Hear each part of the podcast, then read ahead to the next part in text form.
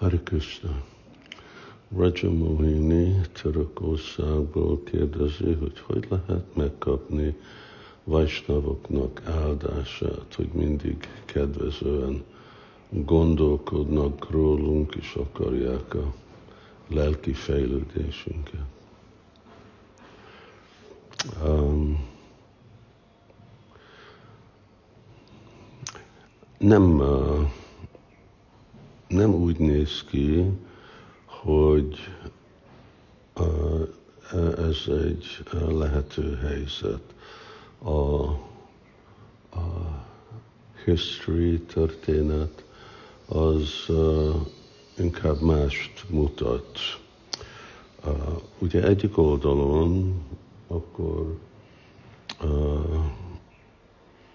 uh, Sadgoswami Ashtuka mondja Dira, Dira, Jana Priyo, Priyakaro, hogy Goswamik kedvezők voltak Dira, a Dira, azok, akik józanok, azok, akik vajsnavok, azok, akik még nem is vajsnavok, még Adira, meg azok, akik mondjuk a tolvajok, vagy rosszabb emberek, de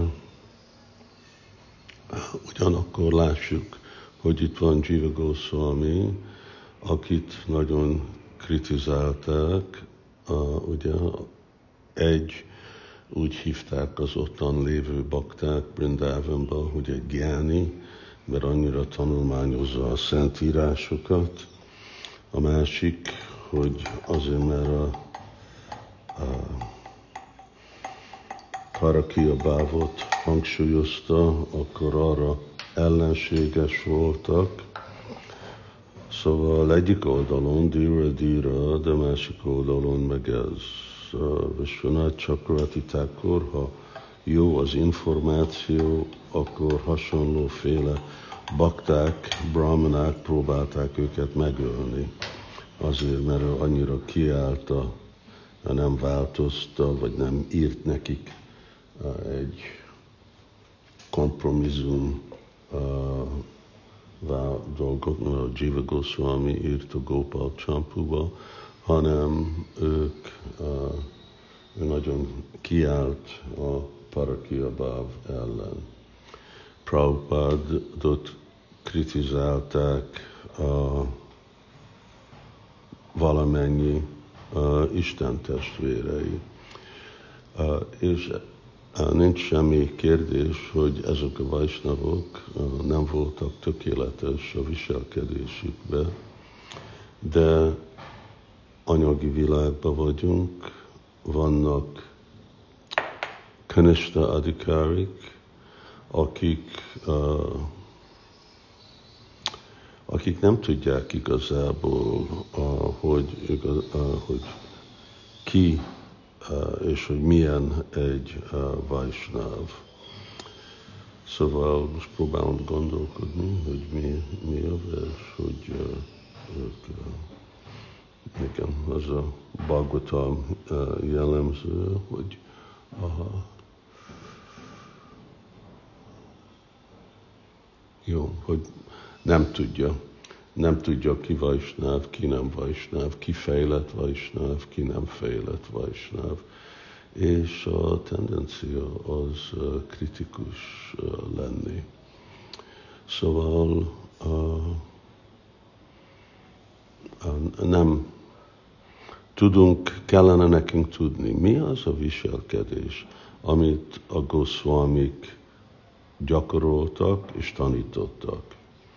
És hogyha azt követjük, akkor tudunk, hogy helyesen viselkedünk, de még nem lesz garancia, hogy főleg egy olyan intézményben, mint Iszkánba, ahol állandóan jönnek be fiatalabb és fiatalabb bakták, hogy uh, ők, uh, ők lesznek kritika-mentes, és hogy megfognak azokat, akik érdemlik az áldást, adni áldást. Amúgy Könöst adikáriknak nincsen sok áldást mit adni. Szóval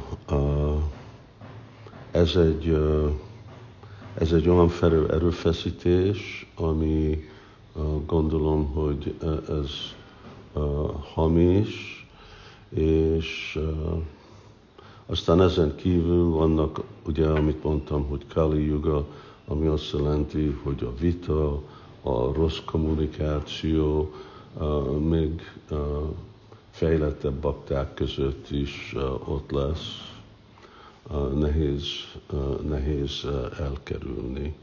Inkább nekünk Stamtitiksa Svabárata, nekünk a